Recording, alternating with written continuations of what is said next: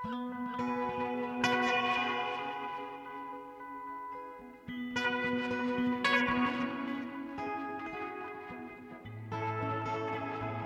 Magnússon, Jón Helgason, Friðgeir Einarsson og Geða Valtísdóttir í Víðsjá í dag.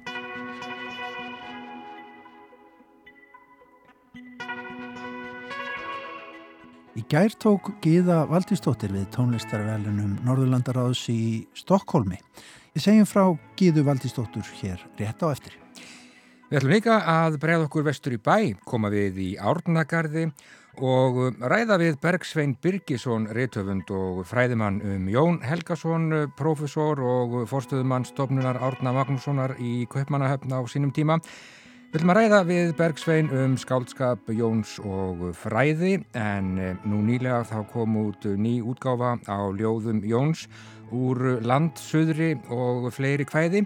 Bergsveit skrifar fróðlegan eftirmála í þessari nýju útgáfu um skáldið og fræðimannin Jón Helgason en ljóðabókin úr landsöðri sem kom fyrst út árið 1939 já hún var ein vinsalasta kvæðabók sem að komið hafði út á Íslandi.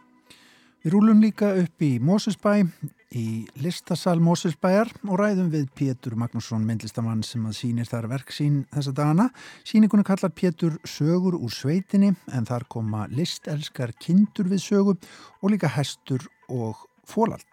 Já, það er ekkit annað og bókvikunar hér á rás eitt að þessu sinni er skaldsagan formaður húsfélagsins eftir Friðgeir Einarsson Friðgeir segir stuttlega frá bókinni í Víðsjá i dag.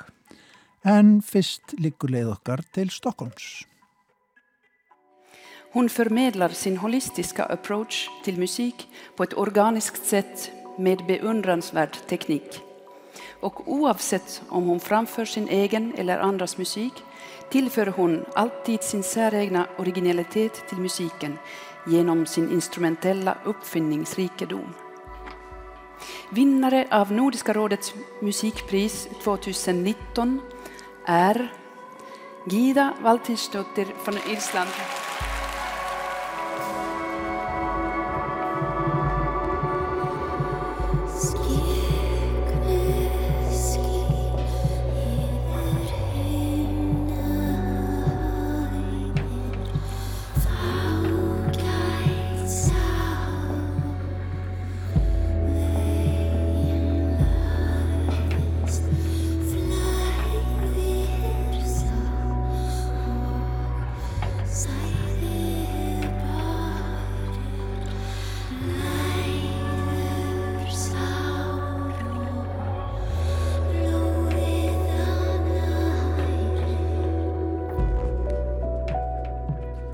Já, Gíða Valtísdóttir, tónskáld, seluleikari, söngkona, fyrfirandi meðlimur í henni góðsaknakendu Rafsveit Múm og áram saman í framvarðasveit tónlistartilruna hér á landi hlítur tónlistarvelun Norðurlandaráðs árið 2017.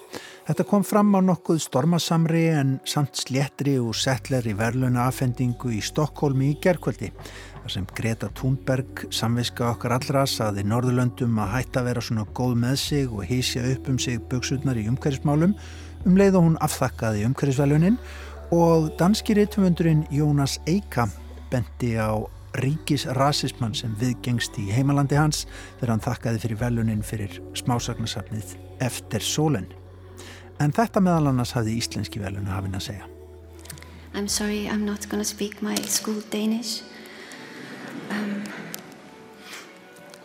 I'm very grateful for receiving this prize, and I would like to thank my mother for her unconditional love, and the rest of my family and friends, and especially my twin sister, Christine Anna. It was a crazy ride to grow up sharing identity, and uh, it was also a great challenge to be compared with an artist like her.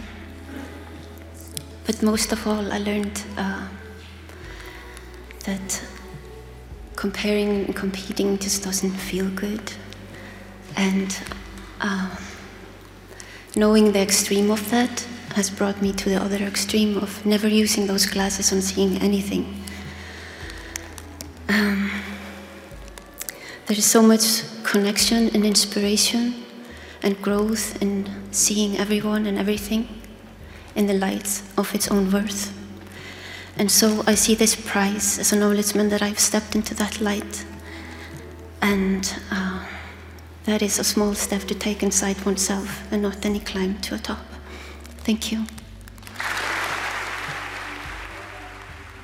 Þegar koma tónlistavellunum Gíðun orðaði dómnefndin það svo að í tónlistsinni rifi hún áhærandur sína með einstökum flutningi sem að einkennist af áhrifaríkri tilfinningu fyrir mótun hendinga. Hún hefur mikla sérstöðu sem flytjandi, hún er verið hennar á sviði, er bæði heitlandi og einstök, viðkvæm og óræð en jafnframt kraftmikil. Flutningur hennar ákaflega personlegur, samfeldur og framúrskarandi, hvort sem hún leikur á selló, syngur á sinn sérstæðahátt eða leikur á önnur hljóðfæri og ávalt liggur frumleikin til grundvallar.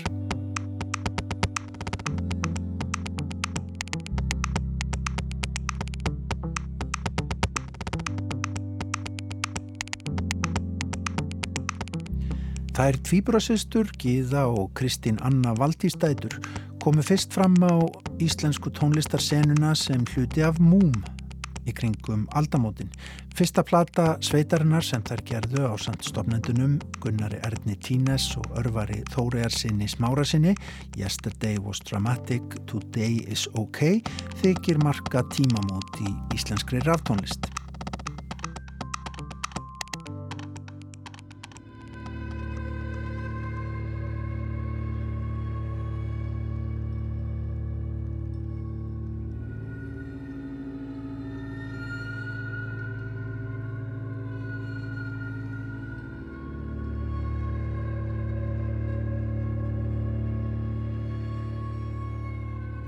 Gíða líkt og sýstir hennar saði þó fljóðlega skilið við sveitina og hjælt áfram tónlistamentun sinni.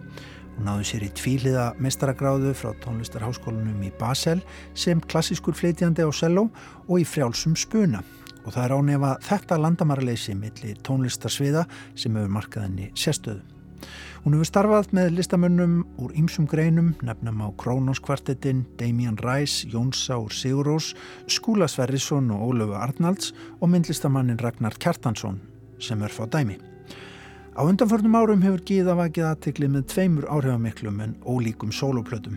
Í fyrra kom út platan Evolution með hennar eigin tónsmiðum, oft torræð plata en með sterkum drömkjendum höfundarengjunum, Nostrað var við hljóðheiminn greinlega.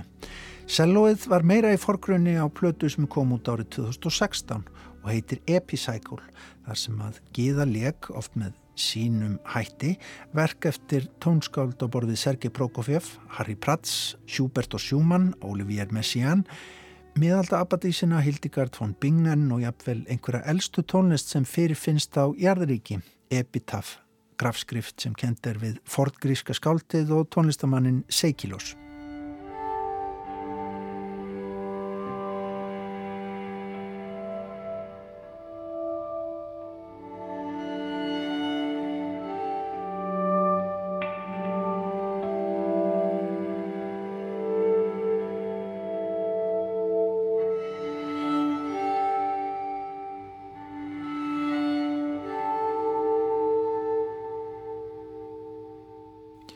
Tónlist Gíðu Valdísdóttur flæðir á ýmsan hátt, hún er drömkend og frjáls einhvern veginn og það er eins og tengingarnar nái víða, jafnvel á milli heima. Þegar kemur að samspili milli ólíkra tónlistar tegunda á þetta landamæra leysi engar vel við. Eitt daginn er viðfangsefnið útskrifuð klassík, hinn daginn frjálstúlkun úr spöni. Niðurstaðan á útgefnum plötum er alltaf fallega unnin og útbúin, hljómurinn góður og ekki úr vegi að nota góð hernartól við hlustun. Við hér í Vísjá óskum geðu Valtísdóttur til Hamingju með tónlistavellun Norðurlandaráðs sem hún fekk afhengt í gær en grípum jafnframt stöðlega niður í viðtal úr lestinni sem Alli Bodlasson tók við geðum árið 2016 þegar hún gaf út plötuna Epicycle og talaði þá einmitt um það hvernig hún ferðast frjálslega milli ólíkra tónlistarsviða.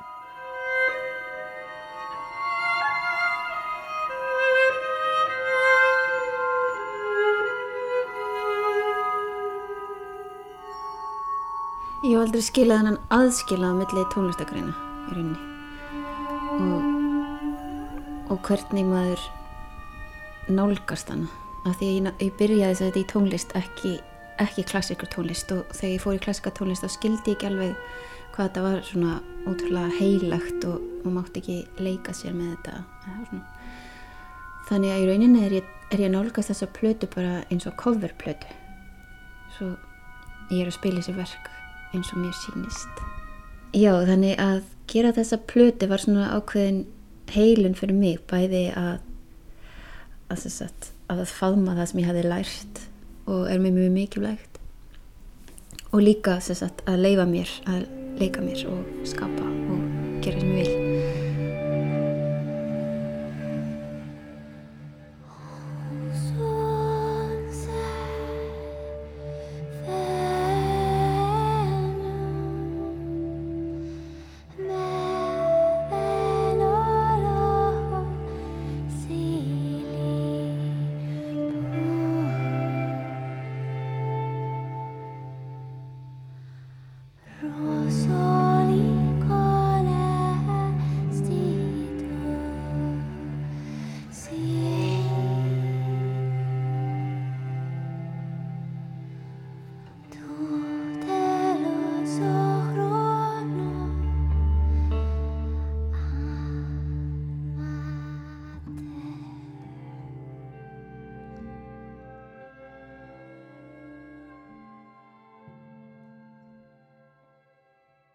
Nokkri tónar úr smiðju Gíðu Valdísdóttur.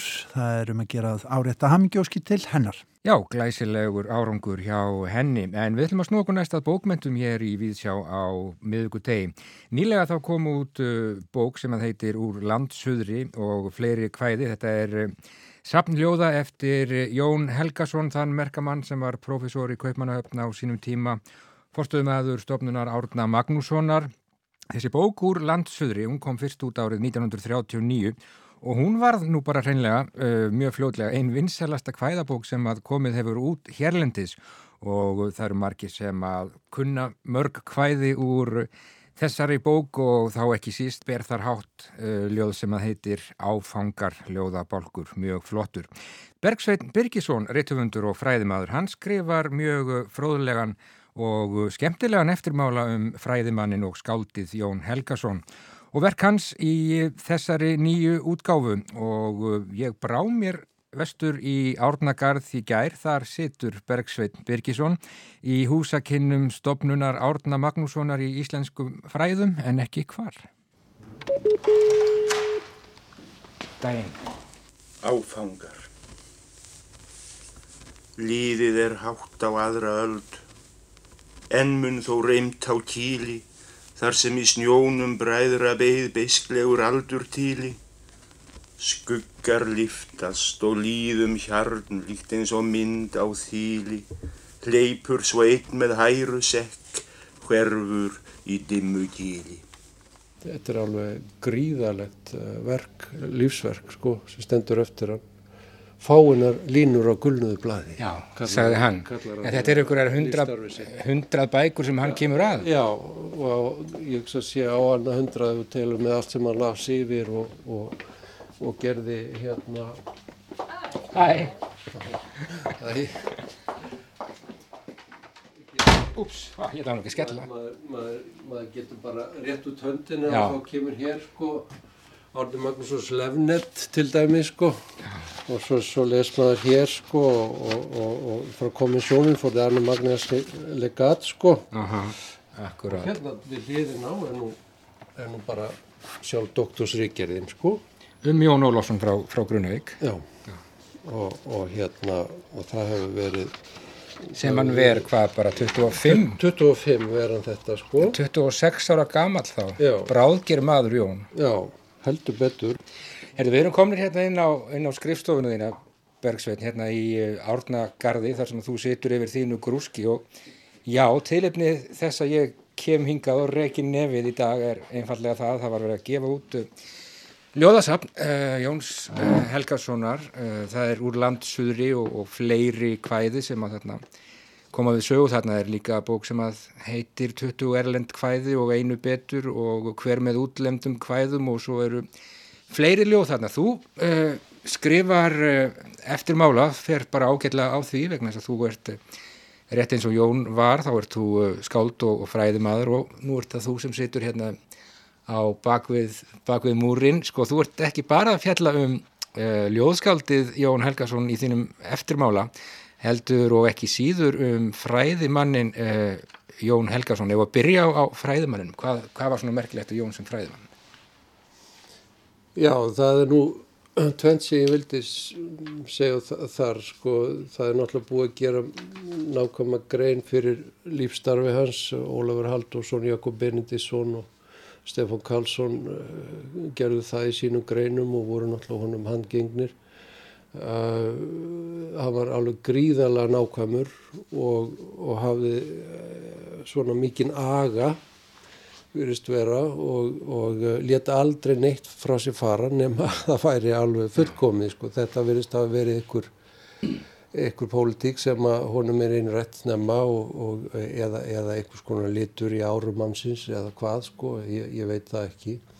Þannig að það er náttúrulega, það má skipta þessi tvent, það eru þessar fjölmörgu vönduðu útgáfur á norrænum handritum mm sem hann stendur fyrir. Uh, hins vegar það sem eh, mér fótti svona skemmtilega að skoða það var það voru þessar bækur sem að maður tók ástfóstri við þegar maður var að byrja í norrannum fræðum uh, og hann skrifar fyrir íslenska alþýðu Já. um mjög flókin uh, uh, textafræðileg efni eins og tvær kviður fornar þetta er nú, þessar bækur er nú hérna, við sjáum þar hérna. Já, ég er nú bara með hennar hérna minni tösku, stutt í.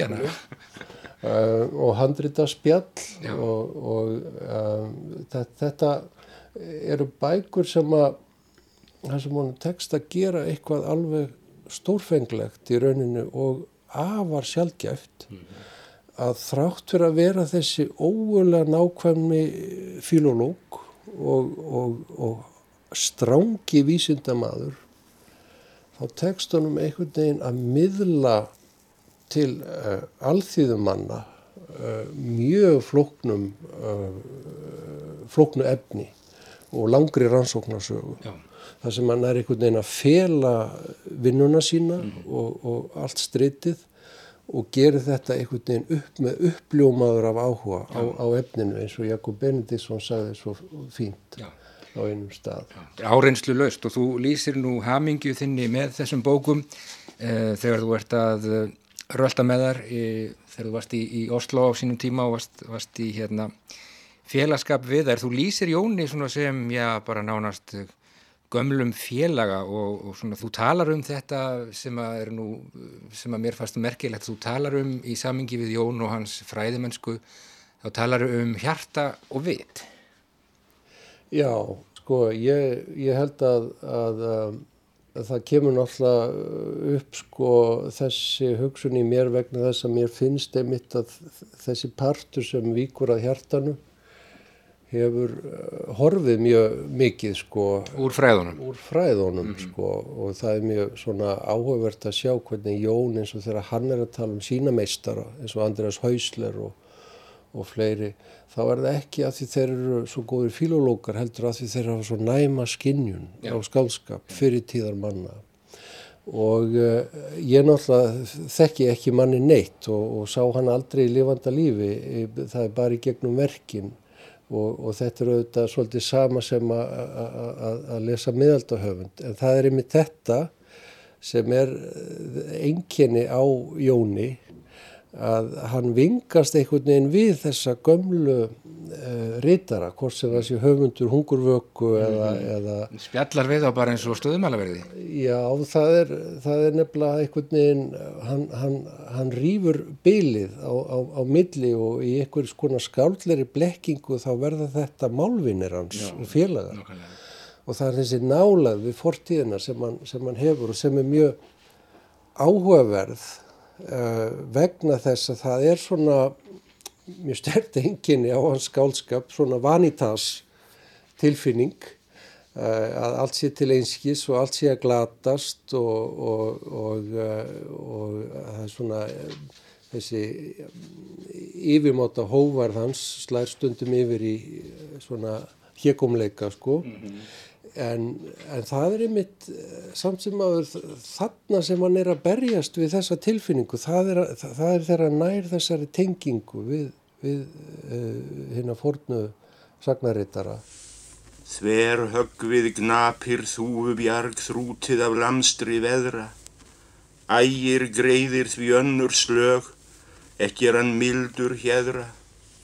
Íðkuð var þar á efstu brún í þróttin voru að feðra, kolbeinn satt hæst á klettasnös, hvaðst á við hann úr neðra. Ég var að tala um skáldið uh, Jón Helgason, við getum lengi talað um fræðimannin, en uh, þessi bók úr landsuðri sem að kemur fyrst út árið 1939 Þetta er nú bara einhver alvinsalegt ljóðabók uh, allra tíma á, á Íslandi. Livir enn góðu lífi, það er ennþá verið að prenta þessi ljóð og þetta, þetta rók selst. Um, hvers konar skáld var Jón og hvað hérna, skýrir þessar, þessar vinsaldir? Fyrsta lagi þá vildi ég segja að þetta er algjörst undur. Já. Að uh, maður sem að uh, segir það í formóla að þessari kvæðabóka hún leittist svo að heyra fara vittlust með ljóðinans þess vegna vild hann láta prenta þetta að, að, að hann hafi aldrei dreymt um skáldana eh, að, að þetta litla hver mm -hmm. verður samt sem áður eitthvað viðlesnasta og að ég held svona mest utan bóka lærða hver bara á 20 stöld sko. um, Þannig bara, með, bara við hliðin á einri ben hvað, með þetta? Ég myndi segja það sko vegna þess að ég, ég hef nú svona, maður hefur nú talað oft við svona þessa, þessa kynslu sem er fætt svona fyrir miðja öll sko og, þa og það er nánast engi maður sem ekki þekkir ykkur erindi úr áfengum sko að minnst og kosti það sem, það sem uh, tengir þá við uh, svona það sem er, er hveði nálagt þeirra byggð sko. Já, þá kunna menn þetta utan að.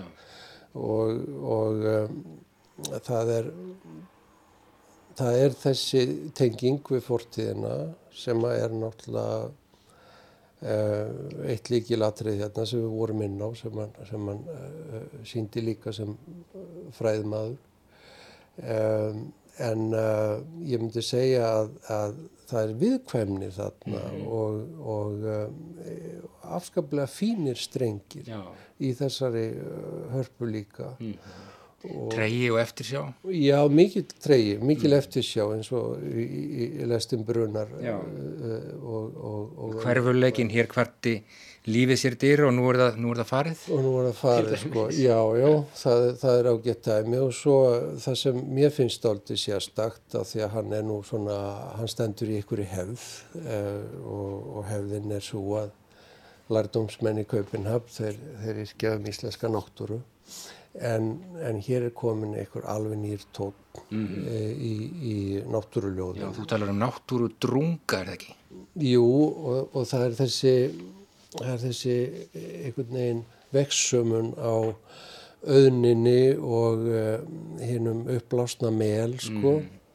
um, sem að hérna maður svona fyrir að velta fyrir sér hvað hvað liggur hér að baki sko, er þetta, það sem vandar í danska náttúru kannski? Mm. sem, að, sem hann er farin að sakna? Eða er þetta hlutskipti okkar núntíma manna sem hann er að spegla í þessari auðn? Við sem hefum mist mist uh, svona haldreipi í gegnum dagirinn með, með Guði himninum og öðru slíku. Það, það er svona það er svona, maður má passa sér að loka hann ekki af í neinum bás en það er alveg greinilegt að fólk hefur fundið hljóngrunn fyrir sínum tilfinningum í, í, í þessum hvæðum já, já. Jón var náttúrulega þýðandi líka, hann þýtti Víón og Hugo og uh, Verlen og marga, marga, marga uh, fleiri en þú Þú leggur áherslu á það, uh, Bergsveitni, í þínum eftirmála að Jón hafi sko reynd ekki verið rótlaus maður, maður. Það er ekki rótlaus maður sem að, sem að yrkir, yrkir þessi kvæði. Öðrum nær. Næ, um, það má sjá í kvæðunum hans uh, og auðvitað af æfistarfinu öllu að uh, þetta snýst um að rækta gardinn sinn. Mm -hmm. Sama hversu fábrotin og ómerkilegur öðrum kann að þykja hann. Og það er svona leiðast ef við gegnum öll hans hvæði finnst mér.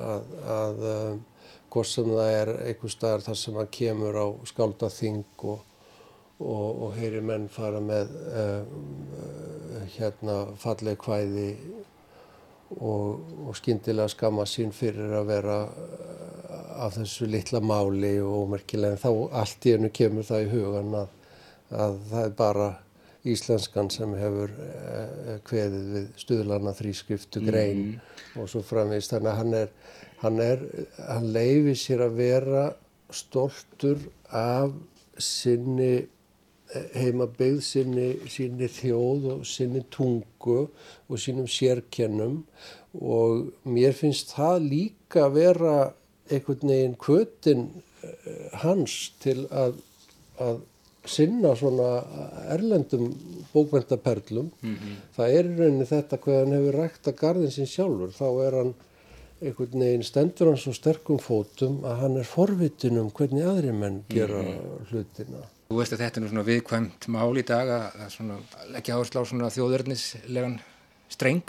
Það er mjög erfitt í dag og, og, og, og blandið ímsu sko á þessum tímum sem við lifum en, en þá getum við líka hugsað um tímana sem hann lifði á. Mm að þeir voru nú ekki uh, einfaldir heldur undir, undir fasisma og nazisma og uh, öfga þjóðverðnishyggju. Uh, þannig að maður verður að þóra að tala samt sem áður. Mm. Það má ekki láta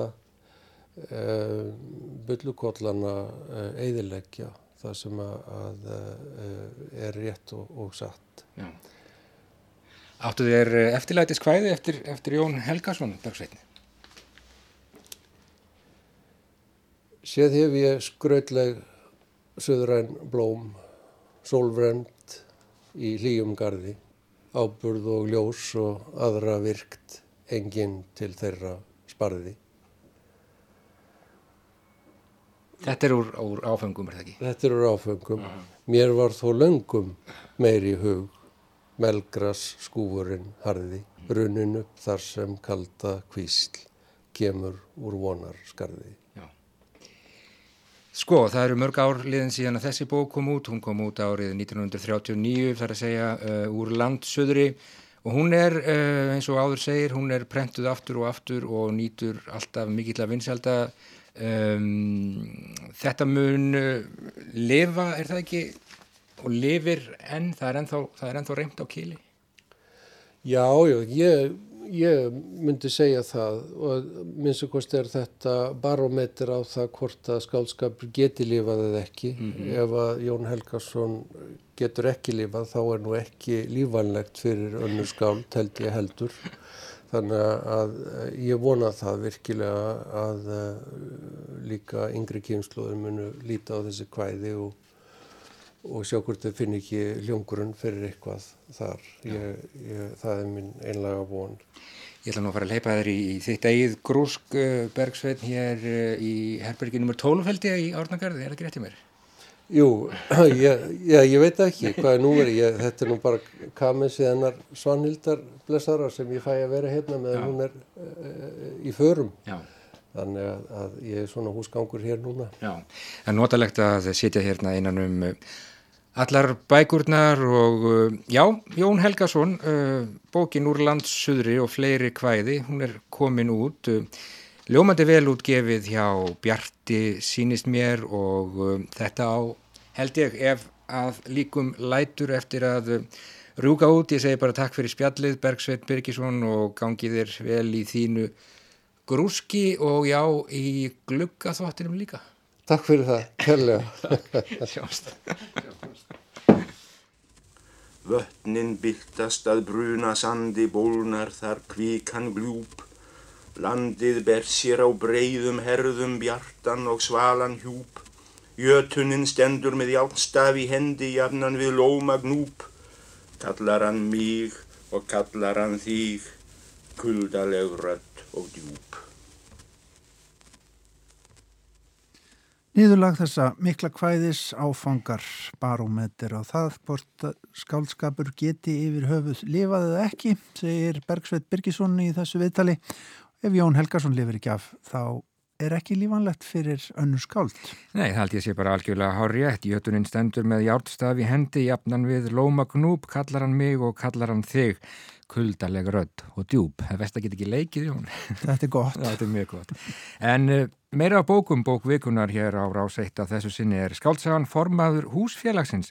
Eftir Friðgeir Einarsson, fyrsta skáltsaga höfundar frá árinu 2017.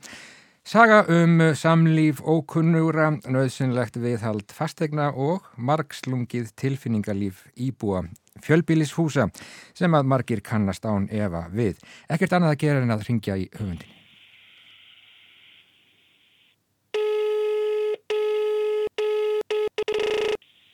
Friðger. Sæl Friðger, Guðni Tómasson hérna í útvarpinu á rás 1. Já. Sæl verðstu. Herðu, bókin þín, formaður húsfélagsins, hún hefur verið valið bókvikunar rásætt þessa vikuna. Já. Við ætlum að fá góða gesti til þess að ræða hana á sunnudag í þettinum. Ok, hvað er eitthvað velun eða? Nei, ekkert, sérst, engin sérstök velun. Ha. Nei, ok. En getur þú sagt mér aðeins frá bókinni? Ég, já, ég get það. Um, hún er hvað, tvekja þryggja ára vömmul? Þetta er skatt það. Uh, halló, þetta er þetta? Ég er hér. Já. Hún fjallar um mann sem uh, flyttur nýbúð sýstu sinnar í blokk til skamstíma að hann heldur en síðan ílengist hann þar og uh, leiðist smátt og smátt inn í húsfélagsstarfið og svona fyrir að taka meira og meira þátt í lífinu í blokkinni lífið smá svona kemur fyrir hann. Meðan hann er hana það er svona sögutráðurinn Hefur þú verið formaður í húsfélagi? Nei, fólk uh, heldur á því ég hef skrifað bók sem heitir formaður húsfélagsins. Þá hljóti ég að vita allt um húsfélag og, og uh, ég tekið þátt í húsfélagsstarfi og, og hérna þeir sem voru með mér stjórn fannst alveg tilvæglega að ég er í formaður af því ég hef skrifað þessa bók. En uh, ég held að bæði fyrir mig og og aðra í húsfélaginu þá er það mjög illa tilfundið það á mjög illa við mig svona, svona vafstur mm -hmm. Getur þú sagt okkur frá kveikjunni að þessari bók? Ég var sem sagt uh, bjó í blokkar í búð sem uh, bróði minn átti ekki sýstur mín því ég hef ekki sýstur og um, blokkar lífið fannst mér mjög heillandi og svona framandi á sem ofur hverstagslega hátt. Hvernig svona uh, blokkin uh, sem einhvers konar steipu kumbaldi var fullur á lífi og, og hérna hreyfinga fólki sem var eftir einhverju reglum sem voru skrifaða niður eða bara alls ekki skrifaðar og lág í einhverjum svona óljóksu sambandi millir fólks. Og hérna ég heitlaðist að því að búa svona í nábílu við fólk en samt vera svona alltaf í einhverju fjarlæg að vera landfræðilega nokkra metra frá annari manneski en, en með enga andlega eða tengingu eða, eða sagt, fólk sem þekkti kannski ekki neitt enga návist. Mm. og það er eitthvað svona áhugavert að vera svona nálagt fólki en samt svona fjarlægur. Og líka bara já, ég held að sé nú ekki móðkanett þegar ég segja húsfélagsstarf er svona ekki það mest spennandi sem hægt er að taka sér fyrir hendur í lífinu. Nei. En ég finnst það ekki. Þetta verður eitthvað að finnst það mér var mjög áhugavert að fólk skildi taka sér fyrir hendur svona bjóða sig að það sjálfurlögt fram til að vera í stjórnum í svona félagum og þess að þess í viðara samengi þá er það kannski sagðan um eitthvað leitið um fullunum hvað maður býður sjálfur sér upp á í, í þessu jællifi án þess að ætlaða endilega maður bara eitthvað neði svona lendir lendir í hlutunum og aðalpersonin í sögun er frekar viljalus karakter sem þrælist úr eh, einu í annað. En formadur húsfélagsins, það er bókvíkunar hjá okkur þessa vikunum. Við ætlum að fá einhverja góða rödd til að lesa eins úr bókinni. Bara einn spurning er, ringiði til Noregs, ertu í fjölbílishúsi í Noregi? Það er engin hægt á, ég er löndin einu húsfélagi hérna, ég er leiðandi, ég slepp alveg við svo leiðis hérna. Gott að heyra. Takk hjálpa fyrir spjallið. Já, þá hún lítið. Eftir því sem ég ver fleiri dögum í íbúðinni finn ég betur fyrir takti húsins. Ég hlusta á hljóðin, gömgefi hvernig þið endur taka sig, hven er fólk vera heiman á mornana, hven er það skila sér heim, hvað það gerir á kvöldin.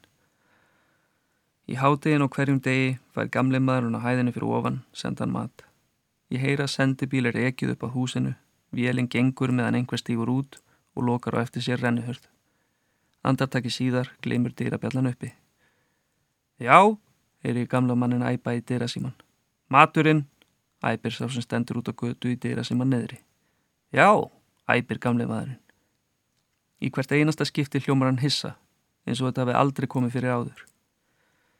Ögnablikki setna gellur við hranalegt óhljóð í dýrasímanum, úti dyrnar opnast og einhver heyrist ganga upp tröppurnar, staðinamast í fáinnar sekundur á hæðinu fyrir ofan og fara svo beint aftur niður, út um dyrnar og inn í bíl.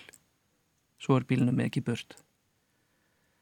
Drjúan hluta úr degi hlustar gamli maðurinn af útvarpið. Á mornana er þáttur þar sem rættir við ábyrrandi einstaklinga í samfélaginu um pólitík og málefni líðandi stundar álitamál reyfuð og stungi á kýlum, millir þess sem leikin er dægur tónlist frá ímsum tímabilum. Um miðjan dag er þáttur sem gengur engungu út á að kynna vinsa lög og segja frá uppáttækjum tónlistamannana sem flytjaðu. Síðdegis er svo annar þáttur, þar sem rættir við þekta einstaklinga um pólitík og málitni líðandi stundar. Um það byrj einu sunn og klukkustund eru lesna fréttir Um hátegisspil og kvöldmatarleitið eru lengri fréttatímar og á kvöldin er hljóður ás sjómasfréttina útvarpað.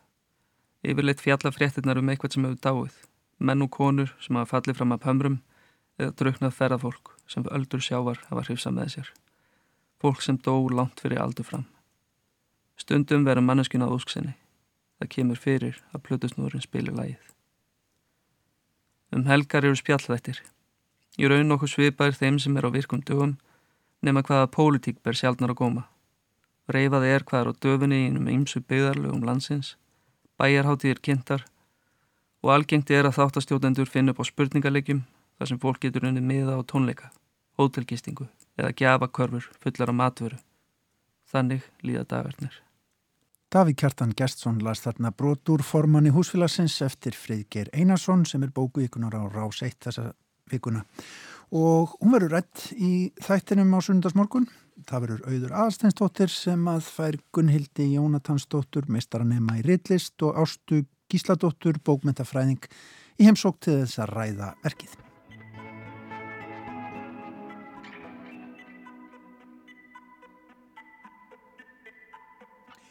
En eh, sögur úr sveitinni er síning í listasal Mósfellsbæjar.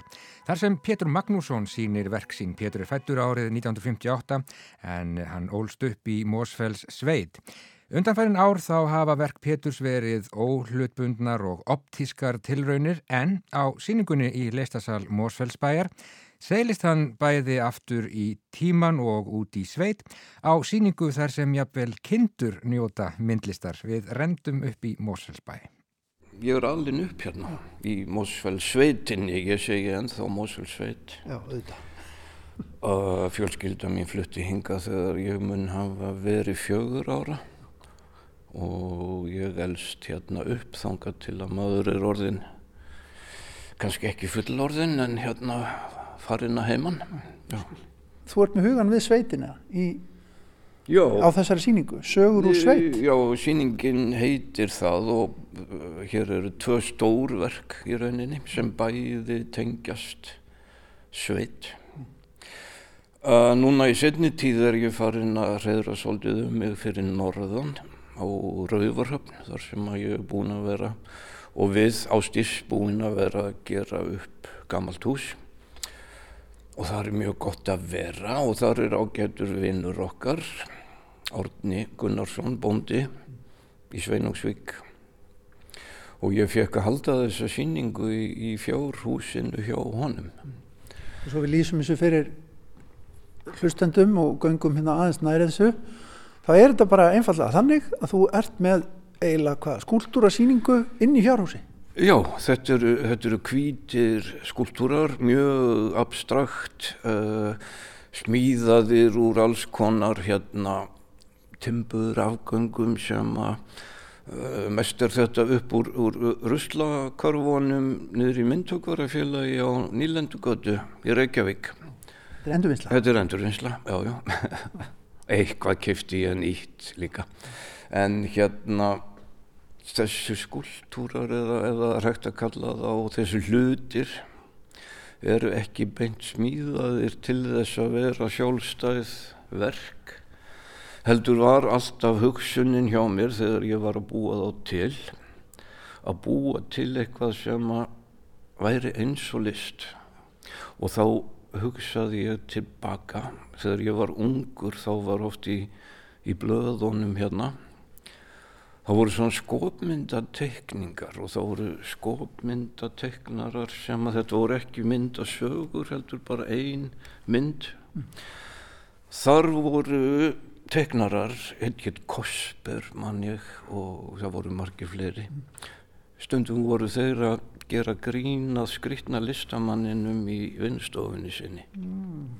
Já, já. Og þá voru þeir að gera mynd af listamanni, hann var mjög oft sko skeggjaður með pípu og alpahúu svona þetta var svona al algeng hugmynd um hvernig listamadurinn liti út mm.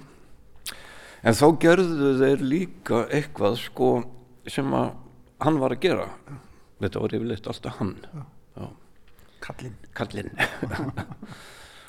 og það var skopmyndategnarinn var þá ekki að búa til listaverk heldur var hann að búa til mynd af listinni.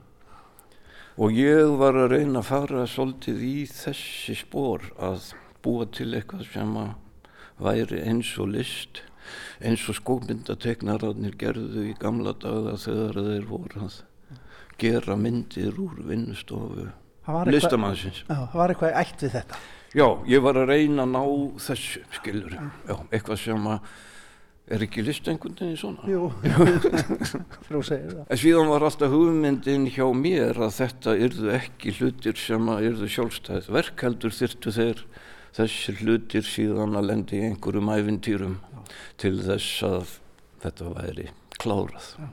Og æfintýrin snúast þá um, um, um að fara inn í fjárhús? Já, þá byrjum maður til eitthvað sem að hérna einhver skrítnar aðstæður einhver aðstæður sem að kannski segja eitthvað um eitthvað en ég veit ekki alveg hvað það er og ég hef kannski meira að spyrja áhörvendunar um hvað þýðir þetta heldur en að ég sé með einhverja en að ég viti það mm -hmm. En maður sér hérna á þessum myndum að auðvitað, þetta er staðlað umhverfi, við þekkjum hvernig fjárhúsin líta út, já, svona já, þessi já, gammaldast fjárhús bara. Uh, Bjart og fallegt þarna í þessu fjárhúsi sér maður. Þetta er hérna líka fallegt fyrir sem mann átni á. Já, er, maður sér það líka.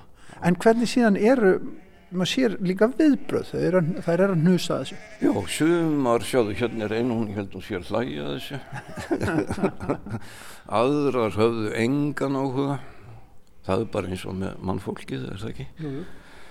hérna þessi var daldið svona mikið fórvitin og var að reyna að geta þetta. Já, þessi er svona listelsk en þetta er kannski daldið þú ert aðeins að leikaður með já hvernig við umgangust list eða ekki? Jú, eða hvað, hvað hún er eða hvað, hvað er í gangi þegar við hérna þegar við höldum listsýningar þá er þetta eitthvað komment á, á allt slíkt. Við snúum okkur við þá er hérna stór mynd sem að þú ert með sem þú ert að gera sem að kannski snýst líka aftur um dýrin. Um sveitina, um sveitina í minningum móðunar uh, Móður mín dói fyrra. Hún náttúrulega bjó hérna stóran hluta æfisinnar mm -hmm kendi hérna mörgum árgöngum mósvellinga í Gagfræðaskólanum og mér fannst eiginlega tilvalið að tilenga þetta henni þetta mynd sem að hefur eiginlega leitað á mig í mörg mörg ár alveg síðan ára tugi síðan að móðir mín kendi mér þessa gátu og þetta er svarið við ákveðinni gátu. En svarið við gátunni er svo myndrænt eiginlega að það var eiginlega tímaspursmálum einhver tíman varði ég einhvern veginn að búa til þessa mynd. Þessa mynd. Getur þú sagt okkur gátuna? Uh, gátan er svona, satt ég og átt og átt af mér, átt það sem ég átt satt og átt af því. Og myndin er af konu sem að sittur á hestbaki og er að borða. Eppli? Já, ég valdi eppli. Ég var, var nú reynda mikil höfuverkur fyrir mig hvað það ætti að vera. en eplið einhvern veginn kom ágjörlega út. Hún heldur á badni? Hún heldur á badni sem sígur brjóstennar og hún sittur á baki hrissu og hrissan býtur gras meðan að fólaldið sígur júur móður sinnar. Mm. Þannig að þetta er, þetta er eiginlega bara til alls kvenkins og af hvaða dýrategund sem það nú er. Af hvaða dýrategund sem það er og og eiginlega nærtækast að tilenga það á móður minni Já. En gátan Já. hún, hún laði þetta fyrir þig móðin hvena var það? Ég mann það ekki þetta er bara mjög gömul æsku minning og sita í, í hausnum á það síðan? Já, hefur sittið í hausnum á mér síðan og þurfti einhver tíman að komast út í einhverju formi. Já. og myndin er unnin fotografist og hún er sviðsett hérna í Mósulsveitinni í bakgrunnin er Esjan en þetta er Esjan séð frá Leirvóinnum Mósulsveitar eða Mósulsbæjar segjum að núna uh, megin niður yfir Leirurnar og það sést þannig yfir á í skóræktina og Mógilsá og það sést Agrafjallið í fjarska mm -hmm. Mótelið er, er Mósfellingur alveg í húð og hár Birta Fróðadóttir frá Dalsgarði og Dagmar dóttir hennar mm. en síðan er myndin það er ekki hægt að taka svona skot í, í einu Nei. það væri stór hættuleg þannig að hún er svona við tölum ekki um það, hún er bara aðeins samsett. Nei, þetta er aðeins mikið samsett sko, hrissan er, er austur og hér aði og já, já.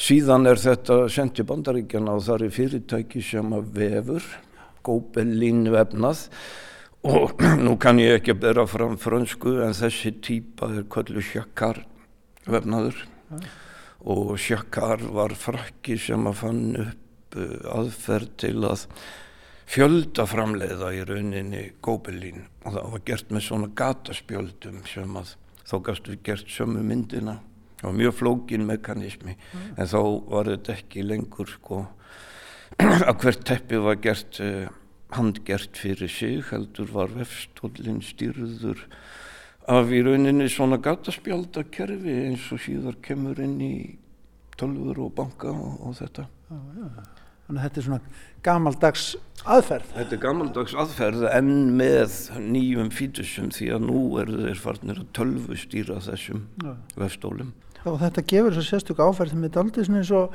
eins og myndin sé pixluð einhvern veginn Já, en í raunin eru pixlar í, í tölvum sko bara unnir út frá hugmyndina úr vefnaði Já. en vefnaðurinn gefur þessu svona eitthvað þóru vall að segja það en eitthvað kvenlegt. Já, Já.